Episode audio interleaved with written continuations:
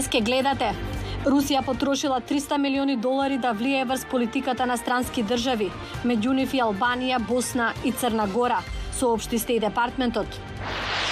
Украинските сили повратија големи области во регионот на Харкив.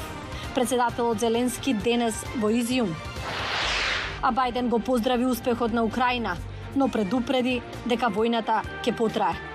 Останете со нас. Поздрав до сите што не гледаат, јас сум Милена Ѓоргиевска.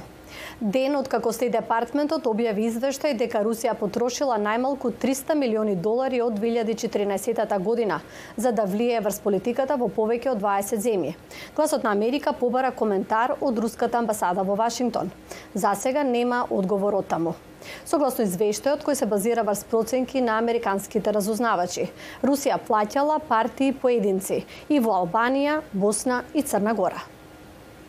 Парите испратени до политичките партии и кандидатите на најмалку 4 континенти преку различни компании веројатно се само мал дел кои сати нивните сојузници се обидуваат да пронајдат дополнителни незаконски ваков прилив на пари. Ова се минимални бројки, рече висок представник на американската администрација, кој разговараше со новинарите во вторникот под услови да остане анонимен. Во извештајот на американското разузнавање завршен во текот на изминатите неколку месеци, стои дека руските напори драстично се зголемиле почнувајќи од 2014 година, ширејќи се од Европа до Африка и Америка. Како прв чекор, американските официјални лица бела дека Стеј департментот е во контакт со 110 земји, кои ги споделуваат наудите и ќе ги разгледа чекорите што земите може да ги превземат за да се спротистават на Русија. Американските разузнавачи дополнително ќе информираат одредени земји, чии избори или политички процеси биле директна цел на руската кампања. Украинскиот председател Володимир Зеленски денес го посети градот Изјум, откако украинската војска минатата недела ослободи повеќе области во регионот на Харкив. А неодамна и подпредседателот на Либералната интернационала Емил Кириас беше во посета на Украина. Еве што рече во разговор со Мики Трајковски. Господин Кириас, неодамна бевте во Украина како дел од делегација составена од европските либерали. Која беше целта на посетата? Во Украина патувавме како една поголема делегација заедно со колеги од регионот и од Европа за да се запознаеме поблиско тоа што се случува во моментот во Украина. За жал во, војната продолжува, таа не е завршена на југот од државата, дури и се интензивира и не смееме да прифатиме дека војната е нешто ново нормално на континентот. Која е сликата што ја регистриравте од Украина и тамошната состојба? Да се стигне прво до, до Киев е навистина комплицирано. Мора да се патува до границите на Украина, па оттаму со воз некој десетина до 14 часа. Кога ќе стигнете во, во Киев, ќе видите дека станува збор за еден полупразен град, градот кој што бил со 5 милиони жители, во моментот има некои 2 до 3 милиона а, останато население. Нема луѓе по улиците, навечер има полициски час, сега се сите светла голем дел од луѓето веќе не се ни кријат, едноставно продолжуваат со животите затоа што велат ако постојано се во скривница не можат а, нивниот живот ќе биде целосно а, разрушен и нема да можат да продолжат а, понатаму да живеат. Значи се живее со една ужасна психоза, меѓутоа спроследена воедно и со еден неверојатен пркос и со неверојатна одлучност, неверојатна а, определба да се истре во одбраната на својата татковина и во одбраната на својата нација. Веднаш што ми изглезете од Киев, а, каде што биле руските окупацијски сили, ќе видите масовни разрешувања, масовни а, масовно а, уништување на целата инфраструктура и стамбена и транспортна. Ги посетивме тие области на, во самите предградија на Киев кои што биле окупирани од руските сили на почетокот на војната За среќа тие се повлекоа таму, меѓутоа позади себе оставија пустош. Тоа еден од првите едно од првите места каде што руските десантни сили го заземаа беше аеродромот во Хостомел кој што е на само неколку километри северно од Киев и каде што може да се види стратно разорнување на тие а, да тоа технолошко чудо кој што украинците за време на советско време го имаат изградено, и она што е ужасно се гледа разрушување на инфраструктурата и на многу домови, семени домови на, на население, места каде што луѓе се екзекутирани, убиени, цивили, без никаква логика, луѓето велат па тоа беа нашите словенски браќа руси,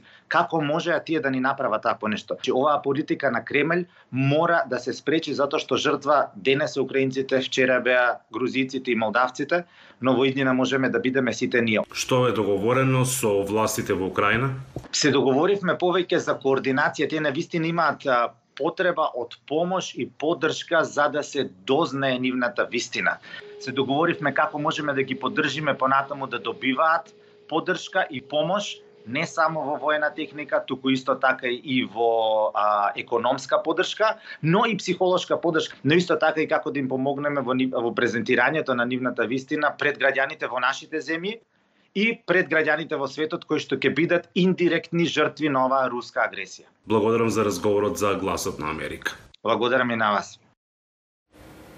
А од другите вести во САД, американската морнарица доби нови така наречени бродови дронови, кои се без човечки екипаж и кои може да бидат од клучно значење, доколку Кина го нападне Тајван. Овие четири беспилотни бродови се меѓу најновите додатоци на американската морнарица. Тоа се морски ловец, морски јастреб, номад и ренџер. Летово морнарицата и даде посебен пристап на гласот на Америка за да ги фотографира за прв пат.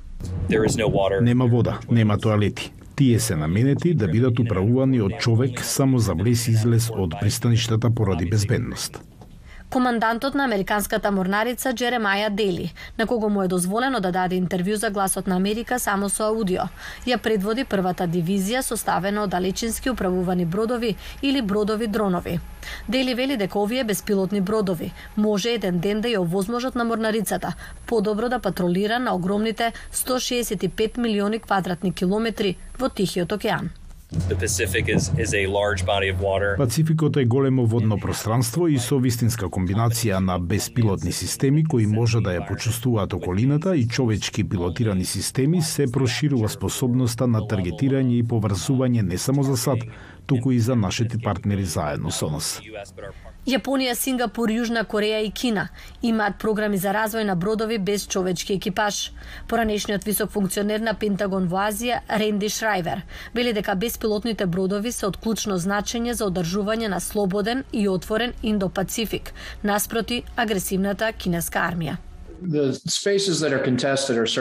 Се повеќе има спорни точки. Употребата на автономни и беспилотни бродови е поевтино. Со нив не се ризикуваат животите на морнарите но извештајот на американската влада објавен во јули предизвика загриженост за тоа дали морнарицата ја разбира логистичката подршка потребна за овие бродови. Други се загрижени дека овие бродови би можеле да станат атрактивна воена цел.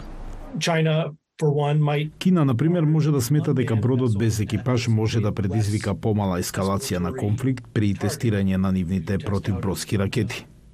Сибенс вели дека и покрај тие грижи, бродовите без екипаж би можеле да бидат критични во одговорот на кинеската блокада на Тајван. Може би повеќе ќе му помогнат на Тајван без да го стават во опасност американскиот персонал.